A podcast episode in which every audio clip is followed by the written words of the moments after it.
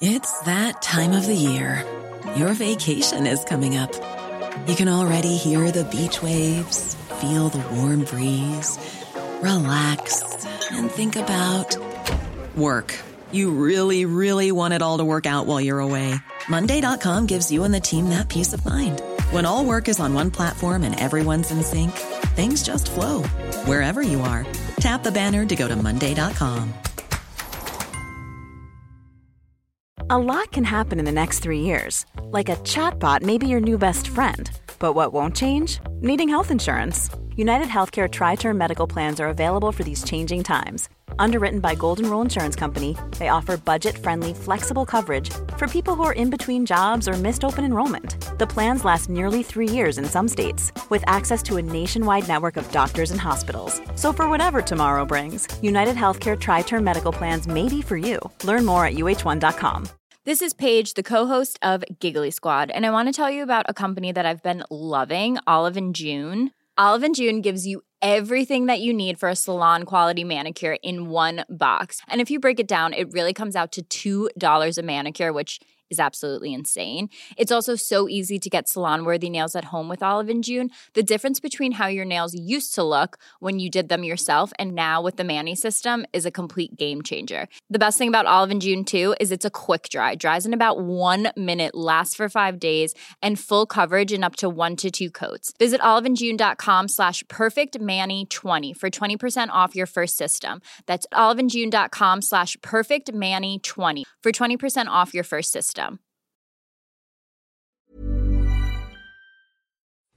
Palmemordet, Anders Leopold om Viktor Gunnarsson, del 3.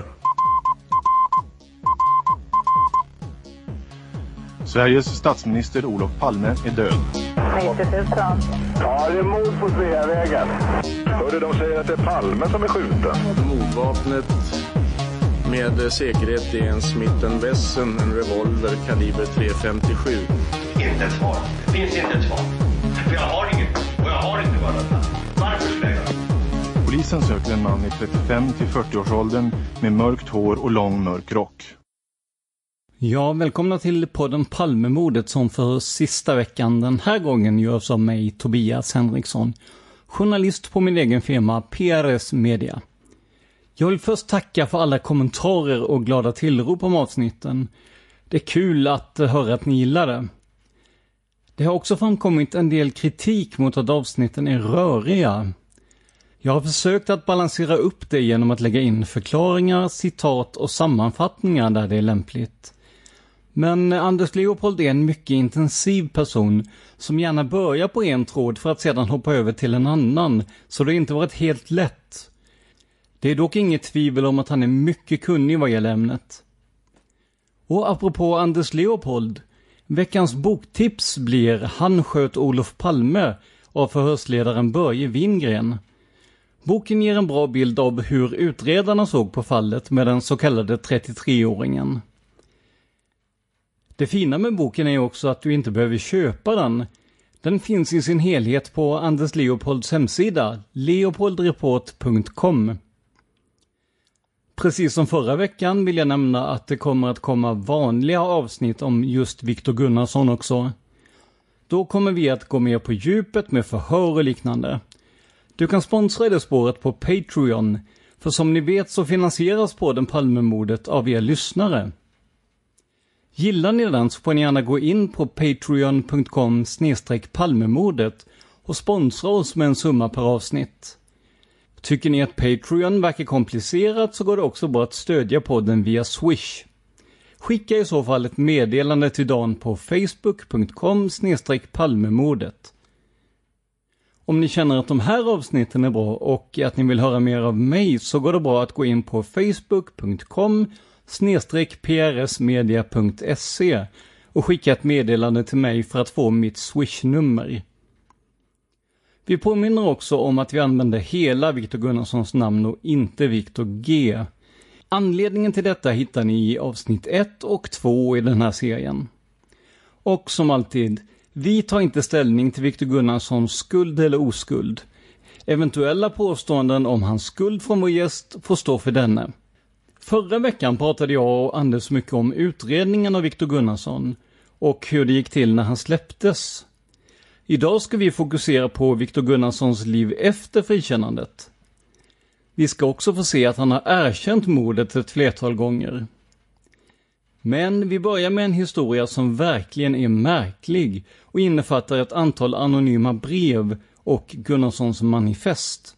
Det finns alltså en, eh, i Palmeutredningen ett stort antal anonyma brev eh, skrivna av, av eh, en person som riktar hotelser mot Palme och mot politiker och liknande. Och eh, jag plockade ut ungefär 50 sådana brev från justitiedepartementet och jämförde dem så småningom med eh, hans eh, egen skrift, den här eh, manifestet.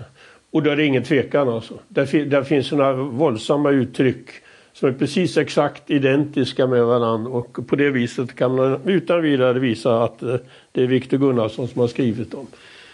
Och eh, han skrev bland annat ett eh, brev i Hans Hastes namn och Hans Haste var en av Palmes vänner och en eh, ja, ideolog inom Socialdemokraterna. Och eh, Hans Haste är en av de få som har fått läsa det här manifestet som jag har haft. Och när han har läst färdigt den så gör han en analys av Gunnarsson och det tycker jag man kan ta som en direkt beskrivning taget ur det här materialet. Och då skriver han, han är en man som anser sig vara överlägsen praktiskt taget alla andra. Den övermänniska som rör sig som en jämlike i kretsen av historiens riktigt stora. Jesus naturligtvis, Darwin, Einstein, Schweitzer, Churchill, John F Kennedy. Han är en man som står högt över hopen både i fråga om kunskaper, intelligens och moralisk resning. Han är en man som ser det andra inte ser och genomskådar det andra uppfattar som dunkelt. Han är en av de få som insett den dödliga fara Sovjetunionen och den kommunistiska infiltrationen utgör för Sverige, Sveriges frihet och nationella säkerhet. Han är en man som alltid uppträder rättrådigt, rakryggat och modigt.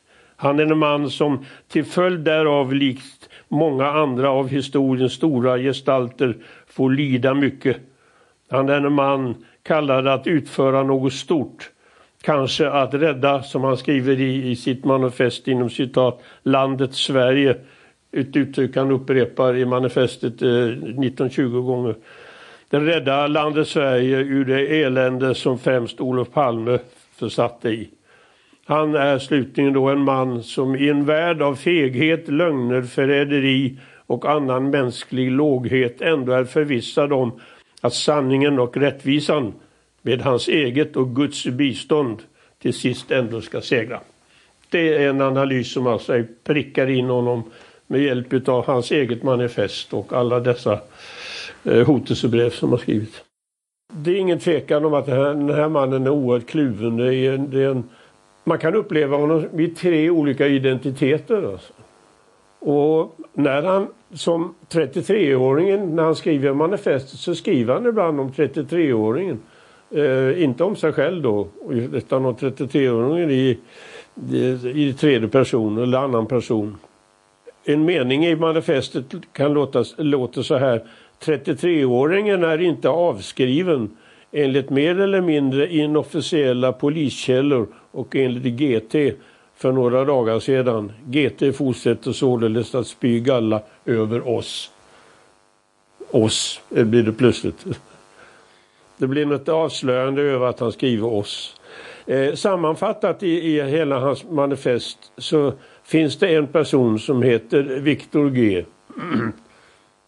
Och det är den i ungdomen utfryst och diskriminerade och den religiösa grubblaren och fanatiken och det, det är ju egentligen den riktiga VG så att säga. Men så finns 33-åringen då, han är den oskyldiga och, och eh, den som hade begått det här elaka dådet som han skriver mot statsministern. Och då skriver han om 33-åringen som det inte är han själv. Och så finns det en som heter Vicky Gunnison och eh, det är liknande då. Och det är världsmannen, svenska amerikanen och världsfrälsaren och alla de roller han tog på sig. Med en förebild av eh, med John F Kennedy bland annat som förebild. Och han har fina lösningar på allting som ska hända i världen. Så att eh, de tre olika personligheterna framträder i olika sammanhang i manifestet. Går det att spekulera någonting i huruvida det här är en, en påtagen roll eller att det är ett, en, ett utslag av hans eh, lite mer bisarra personlighet? Han lever i olika roller och de rollerna spelade han också när han träffade folk. Och just då han till exempel började prata amerikanska och sånt och då uppträdde han som eh, lite tufft och, och, det var ungefär som de stora skådisarna som var hans stora idoler då. Stallone och, och Clint Eastwood och dem. Och han gick ju väldigt ofta på bio. Han sprang på bio för tre gånger i veckan. Alltså.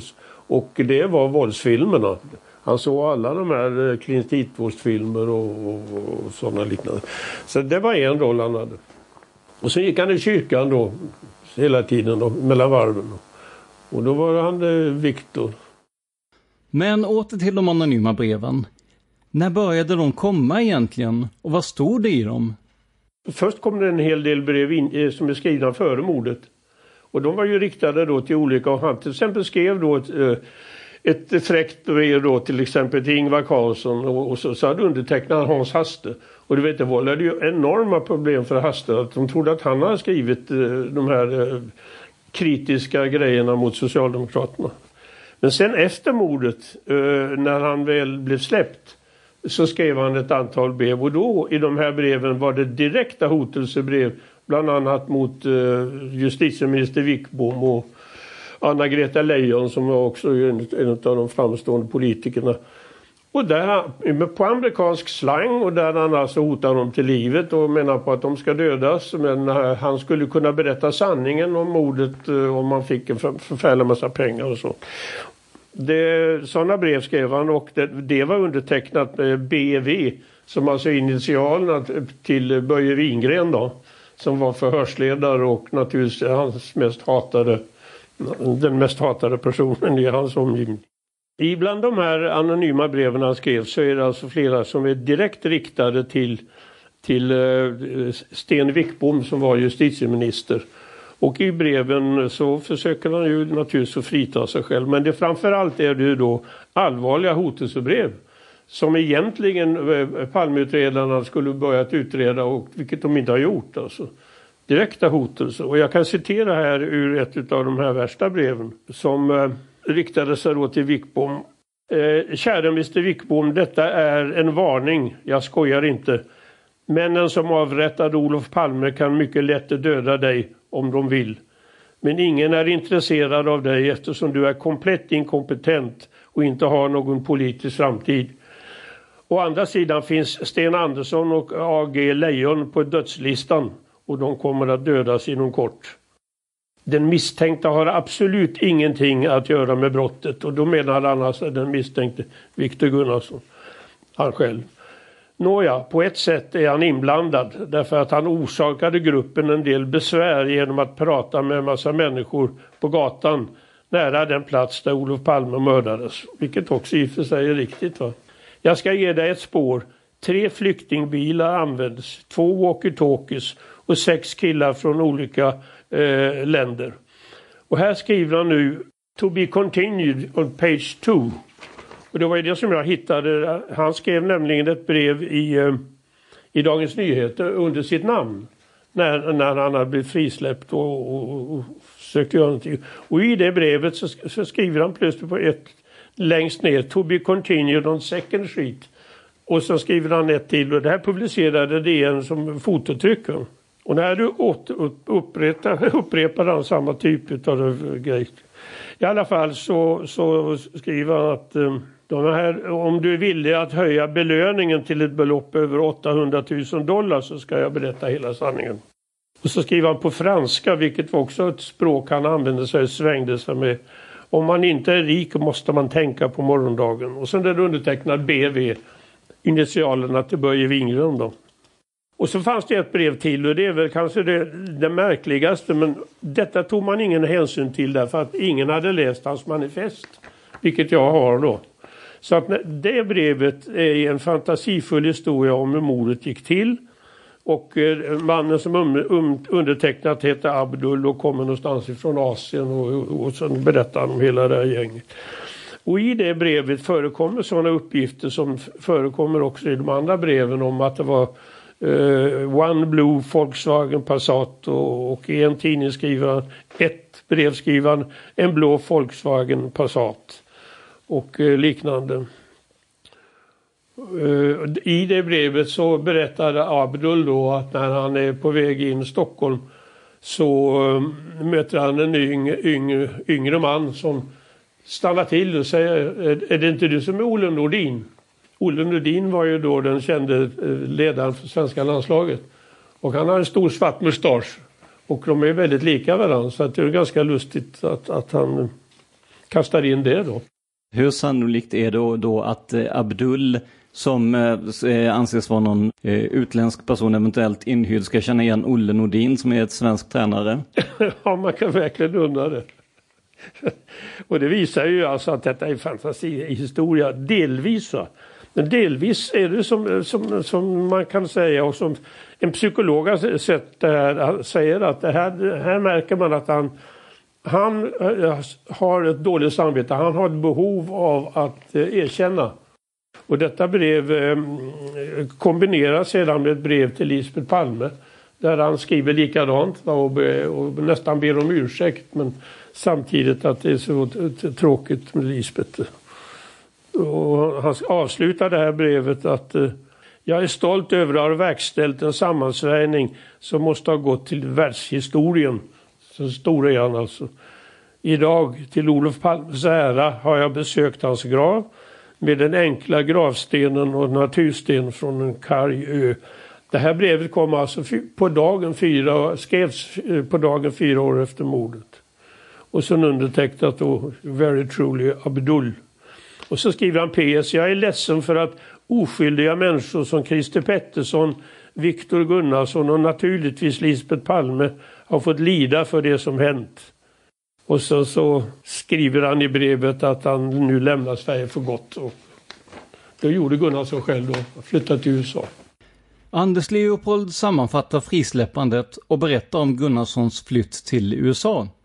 I maj månad, alltså samma år, mordåret då, 86, så var eh, chefsåklagare Svensson ner i utredningen. och då tror man att det var två stycken pojkar som skulle bli någon sorts eh, alibivittnen. Men i själva verket skulle de aldrig ha hållit va? därför att de kom inte ihåg tidpunkten och kom ju, de var mycket osäkra på vilken dag det var. Så det höll inte men trots detta så, så la han ner det och därefter så var Gunnarsson fri. Men han, han var utsatt för hotelser från personer som inte minst säkerligen i socialdemokratiska partier som skulle komma åt den jäveln som, som sa. Och, eh, så att han flyttades runt i Sverige på lite olika ställen och hade polisbevakning faktiskt. Och det var då han skrev sitt manifest samtidigt. I slutändan på detta blev situationen tydligen helt hopplös för honom och då flyttade han över tillbaka till USA och det, där är ju ett gåta som är fullständigt obegriplig. Han får alltså både uppehållstillstånd i USA och han får eh, eh, arbetstillstånd. Och det är alltså en person som inte har en egen ekonomi, han har inga pengar. Utan det var hans pappa som försörjde honom. Och han, eh, ja, han hade i stort sett ingenting annat där. Och jag hävdar fortfarande att eftersom det här är en kombination hela tiden med både de sydafrikanska underrättelsetjänsten och CIA och annat så hade han sådana kontakter att han, att han fick den möjligheten att ta sig undan. Och där lever han ju loppan ordentligt. Alltså han är tillsammans med två av killarna där som är deras hustru före detta. Och han, han skapar en förfärlig situation för sig själv. Och, och, med de här kvinnorna som är otrogna med honom. Så att han var ju en kvinnornas man som de sa. Eh, där nere. Och eh, man kan säga att den 7 januari 1994 så hittar man hans kropp. Och, och det var 30 mil ifrån eh, Salisbury där han bodde alltså i North Carolina. Och eh, där rullas hela historien upp om, om mordet på Victor Gunnarsson. Som så småningom ledde till att en polisman, Underwood, fälldes för mordet under mycket märkliga omständigheter med förmodligen Ja, det som han, han hävdar och som är sant att det var bevis som planterades. Så kombinationerna där är lite underliga men man kan gott säga att det viktiga när det gäller Palmemordet är att han vid två tillfällen för två stycken personer berättar att han, att han eh, sköt Sveriges statsminister. Nej, ett av vittnena säger att Viktor hade ofta en hel del pengar och eh, Brandon som han hette den personen eh, såg vid ett tillfälle Viktor med en bunt sedlar Viktor tyckte om att öppna sin plånbok så man kunde se hur mycket pengar han hade i den och Brandon och den annan kille som bodde ihop med Gunnarsson under en period. De talade om att råda honom för att plocka honom på pengar. Den här Brandon eh, som sedan misstänktes, var en av dem som misstänktes för att ha mördat Gunnarsson och hördes av polisen. Han berättade i sitt förhör att um, att eh, Viktor Gunnarsson berättade alltså för honom att han hade blivit anhållen och eh, mördat Sveriges eh, premiärminister. Och han skröt, och, så här står det i protokollet, och han skröt och skröt om hur han dödat premiärministern och kommit undan. Eh, Viktor sa att han kommit upp bakom premiärministern och skjutit honom. Och Viktor sa att han eh, flyttat till USA för att komma undan de problem som uppstod i samband med mordet. Eh, det är alltså ett, ett, ett av vittnesmålen. Sen till ett annat vittne så berättar Gunnarsson, och det här kan jag citera ur, ur protokollet. Gunnarsson berättade att han eh, inte tyckte om politiska ledare och att det var han som mördade Sveriges premiärminister Olof Palme.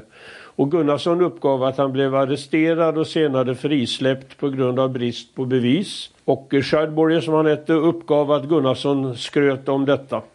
Gunnarsson sa att om han fick möjlighet skulle han döda alla politiska ledare inklusive USAs president.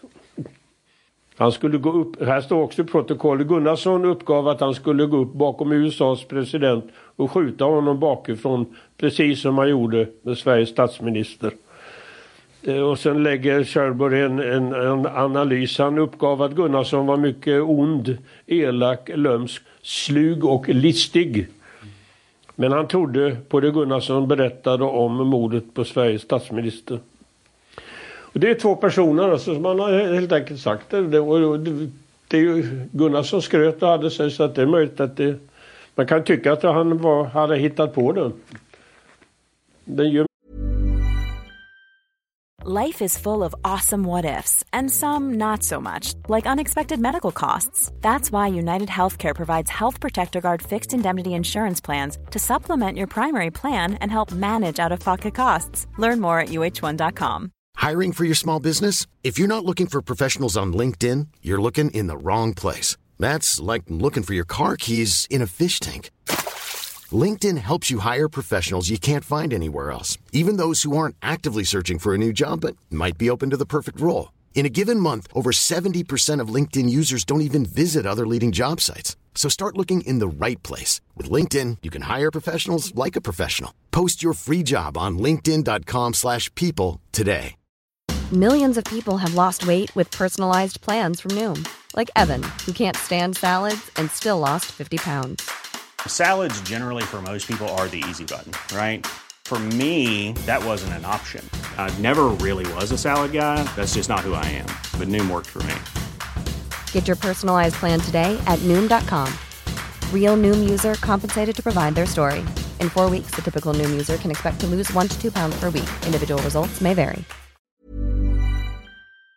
Mer jag har gått igenom materialet sen så börjar jag tro att han verkligen berättade. Han hade behov av att berätta vad han hade gjort och det, det är bland annat detta. Vi tar en närmare titt på Gunnarssons död. Han hittades alltså naken, skjuten i huvudet med två skott. Vapnet var av kaliber 22. Dödsdatumet kunde fastställas till mellan den 3 och 4 december 1993. Utredningen kom snabbt att fokusera på en tidigare polisman L.C. Underwood, som var känd för att vara kontrollerande och svartsjuk. Anders Leopold berättar mer om vad som hände med Gunnarssons misstänkte baneman. Han blev dömd till livstidsfängelse och 33 år eller vad det är. Och, eh, Jag har haft kontakt med honom i fem sex år och under olika omständigheter. Och han hävdar ju sin oskuld fullständigt och han har försett mig med förfärlig massa material där vi alltså ser Eh, det han själv säger att eh, det var en konstruktion alltihopa och att han man hade bland annat lagt ut eh, hårstrån från Gunnarssons huvud i hans bil. De hårstråna fanns inte i bagageluckan när man gjorde de första undersökningarna. Men efter en tid eh, som hade gått så var, låg de där plötsligt på, på mattan där. Och, eh, det är i sin kombination eh, att Underwood menar att det var planterade bevis. Och han har försökt få resning i många olika omgångar men det har inte lyckats. Men jag hävdar att, det är ett justitiemord, så han är oskyldig. Vad skulle poängen vara med att en eh, sen tidigare dömd brottsling får gå fri och att man istället eh, sätter dit då, om vi säger så, en eh, polisman för det? Ja, det är svårt att säga det, va? men eh, eftersom han eh, var tillsammans med Underwoods eh, före detta fästmö, men det var ju slut mellan dem. Va? Men Underwood var känd för att vara en, en svartsjuk person, som väldigt svartsjuk för övrigt. Och, eh, det gör väl då att man skapar ett motiv att, att han skulle ha att han helt enkelt hämnades på det viset. Men det finns så många detaljer i det där som visar att det inte att det, det är helt orimligt att Underwood skulle ha begått brottet. Utan de här gubbarna som berättade om det i fyllan och villan påstås det ett tag. De, det var de som gjorde det. Men sen försvann de. Och varför, vad tog de vägen alltså? Vad är då Anders Leopolds teori om mordet på Viktor Gunnarsson? Vi hör efter. Man kan säga då att mordet på Viktor Gunnarsson är ju en speciell, en särskild historia. Men i botten på detta kan det mycket väl ligga kopplingar över till Palmemordet. Och att han alltså helt enkelt tystades. Och den här mannen eh, som eh, misstänktes men som sedan kom undan. Han hade eh, begått flera brottsliga gärningar. Han var tydligen inblandad i ett tidigare mord. Den här Brandon hette han. Och Brandon och hans kompis som själva berättade att de tog Gunnarsson och körde iväg med honom och sköt honom. De eh, försvann ungefär när rättegången mot eh, polismannen Underwood började som eh, då ansågs vara skyldig till mordet. Och sen har de inte återkommit. Och jag har bett, försökt få kontakt med den, några av FBI's framförallt ena FBI's killar i Salisbury som jobbade med det. Men de har inte kunnat spåra dem alltså. Men de medger ju också att det här är ju helt obegripligt att de kom undan. Det finns, det finns så många be tekniska bevis att, att, att det var sant det de själva sa. Viktor Gunnarssons död, ser du det som en, en del av en komplott eller är, är, är det ett offer för omständigheter och hans egen person? Ja, det är ju bara spekulation jag har också delvis. Vi har ju haft den där mordrättegången som jag pratat om eller, mot uh, Underwood, polismannen och det är ju det som var det avgörande. Men eh, här var ju folk inblandade i det hela och eh, jag utgår ifrån att det mycket väl kan ha varit att man Eftersom det var fejkade bevis mot polismannen så har man alltså gjort någonting och i detta kan ligga att man helt enkelt eh, fixade så att man tystade honom. Det, det är bara en ren spekulation. Men... Uppe i Norge börjar jag och Anders Leopold att närma oss slutet av intervjun. Men jag är inte riktigt nöjd. Visst finns det saker som hade kunnat stämma på Gunnarsson och visst var han en märklig person. Men vad är det som gör att Anders Leopold sätter det här spåret framför alla andra? Jag bestämde mig för att testa honom och gav honom ett antal spår som han skulle ta ställning till och förklara varför han inte trodde lika mycket på dem. Vi börjar med polisspåret. Ja, det har jag, jag för min del har helt stått vid sidan om polisspåret. Jag tror inte att det, eh, poliser kunde genomföra en konspiration. Det finns allt för många hederliga poliser som hade stoppat denna i, i ett tidigt skede.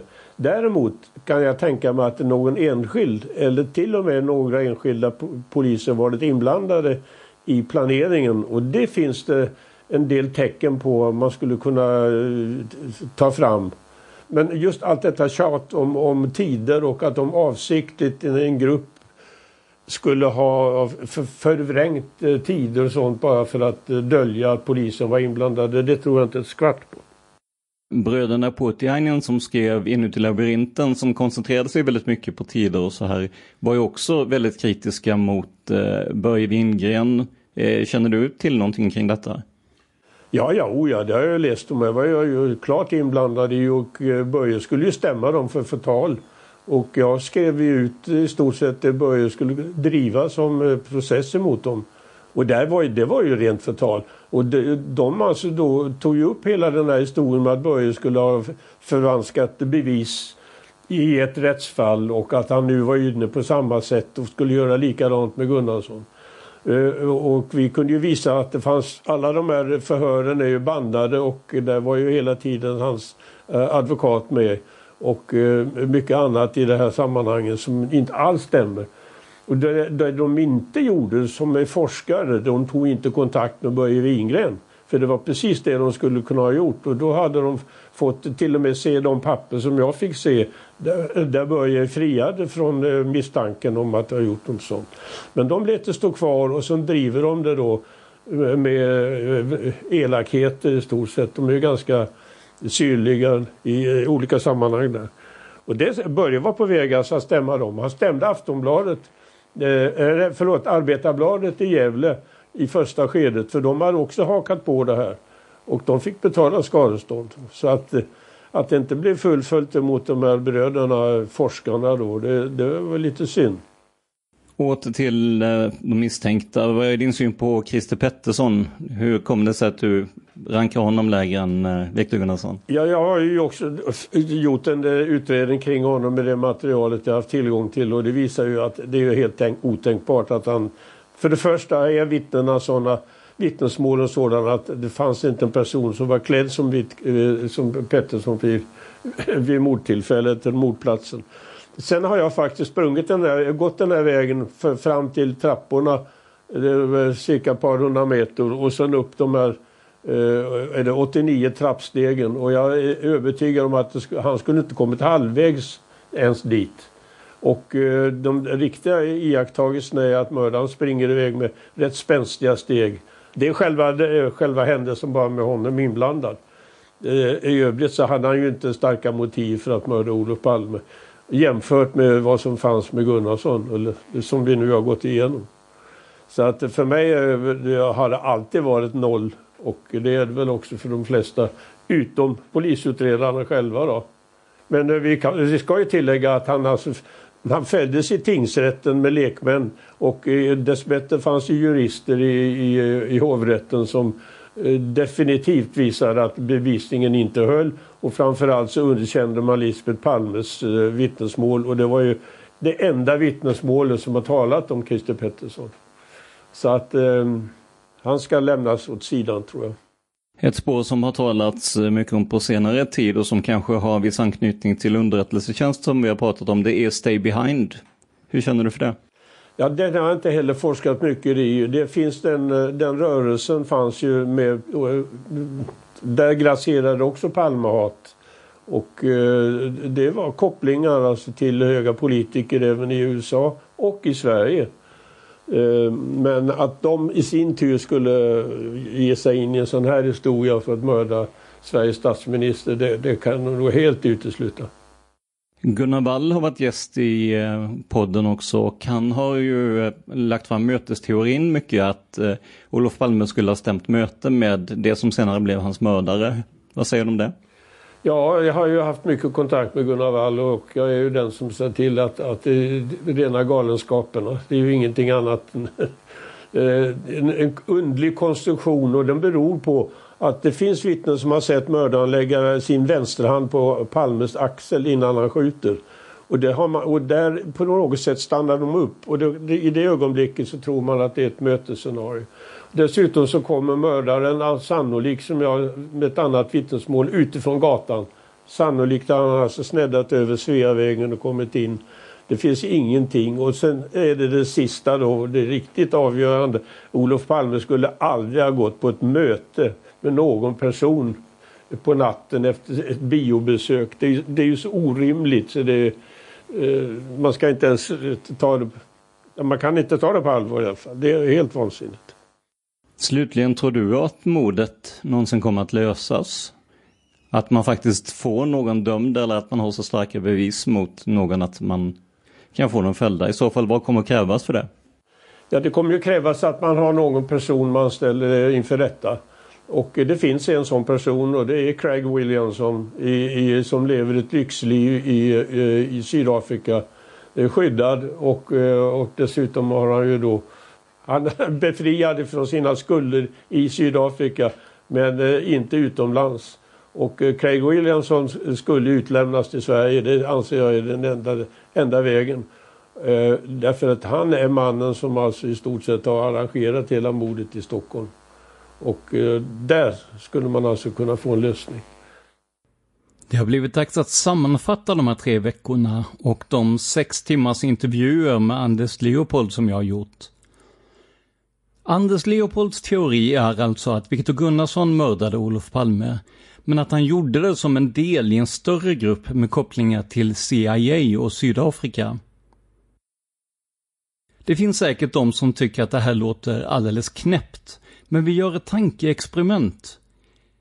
Tänk er att någon sagt till er 1984 till exempel, att Sveriges statsminister skulle skjutas på öppen gata och att mördaren skulle klara sig undan i mer än 30 år. Skulle ni då och där, innan det hände, tycka att det lät rimligt? Därmed inte sagt att jag själv sätter min tilltro till spåret. Jag tycker att det finns många lösa trådar som behöver knytas samman för att få ett bra case mot Gunnarsson. Men samtidigt har de här veckorna lärt mig att tanken att Gunnarsson höll i vapnet inte är så galen som jag tidigare trott. Det finns faktiskt en hel del saker som stämmer på honom. Indicier, tillfälligheter? Ja, kanske. Men trots det så stämmer de på Gunnarsson. Och på många andra, det är jag den första att erkänna. Men jag tänker på vad Lisbeth Palme sa i tingsrätten, apropå att mördaren stannade kvar på brottsplatsen. Det är orimligt, men det är en orimlig person naturligtvis. Och vem skulle i så fall vara mer orimlig som mördare än Viktor Gunnarsson? De här tre avsnitten om Viktor Gunnarsson producerades av mig, Tobias Henriksson, på PRS Media. För mer information om mig och företaget, gå in på prsmedia.se eller facebook.com prsmedia.se. I och med att det här är det sista avsnittet i serien så vill jag tacka några personer. Först och främst, stort och varmt tack till Anders Leopold för att du delade med dig av din kunskap och för gästfriheten i samband med mitt Norgebesök.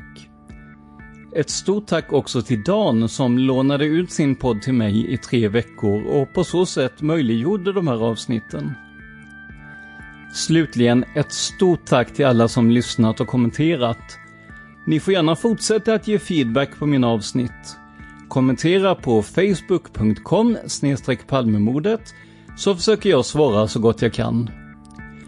Och glöm inte att om ni vill veta mer om Viktor Gunnarsson så finns det spåret på Patreon. Då kommer Dan och jag att göra mer traditionella avsnitt om just det spåret. Lyssnar ni via en Apple-plattform så blir vi väldigt glada för iTunes-recensioner. Och för sista gången de här veckorna. Vi har sökt Viktor Gunnarssons familj innan publiceringen, men de hälsar att de inte vill ställa upp och att de fortfarande känner sig jagade av det som hänt. Vi hörs!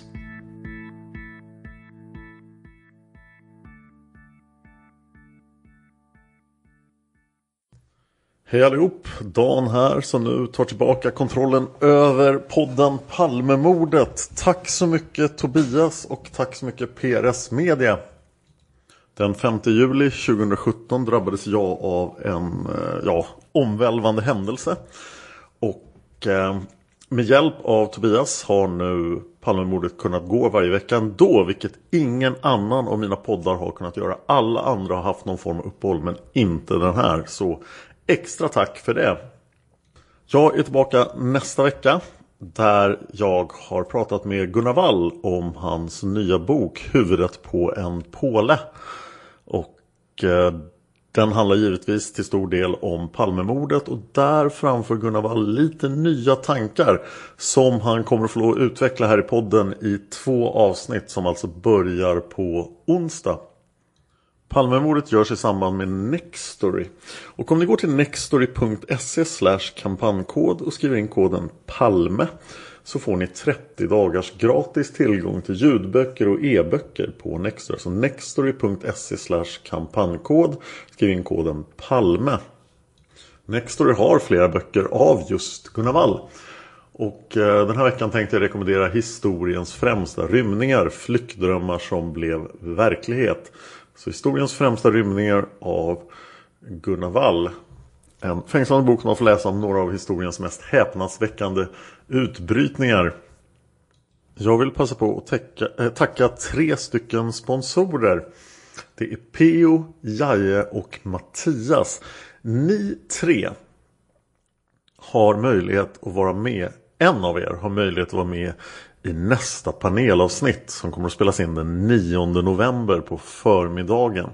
Så att Peo, Jaje och Mattias har ni möjlighet så hör av er till mig på facebook.com palmemordet och säg att ni vill vara med i panelavsnittet. Men då måste ni alltså vara tillgängliga i Stockholm den 9 november 2017. Och eh, om fler av er kan så går det i den ordning ni har varit sponsorer.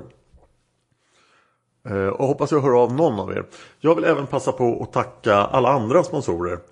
Eh, jag vill tacka Lars-Göran, Fredrik, Johan, Niklas, Johan K, Henrik, Karin, Johannes, Victoria, Karl, Lena, Eva, Erik F, Joel, Emil, Sven-Åke, Fredrik H, David F, Kristoffer, Mats, Obiter Dictum, Karl W, Anders Y, Per A, Emanuel, Håkan, Thomas L, Kjell, Jimmy, Petter, Pierre, Viktor N, Herman, Jakob, Kalle A, Martin, GW, Per-Erik E, Arek, Josef N, Roger P och Roger M, Andreas E,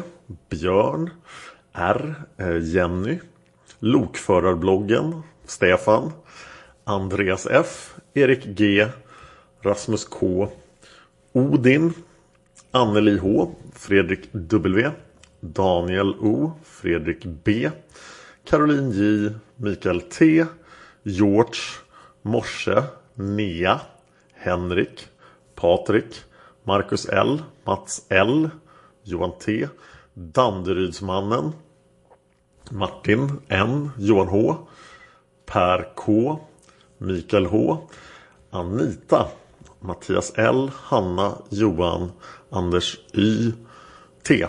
För det var två Anders Y. Henrik S, A, Emil, Andreas C, Vem var det? Kricke, Staffan J, Bjarne, Gustav S, Martin V och Anders B.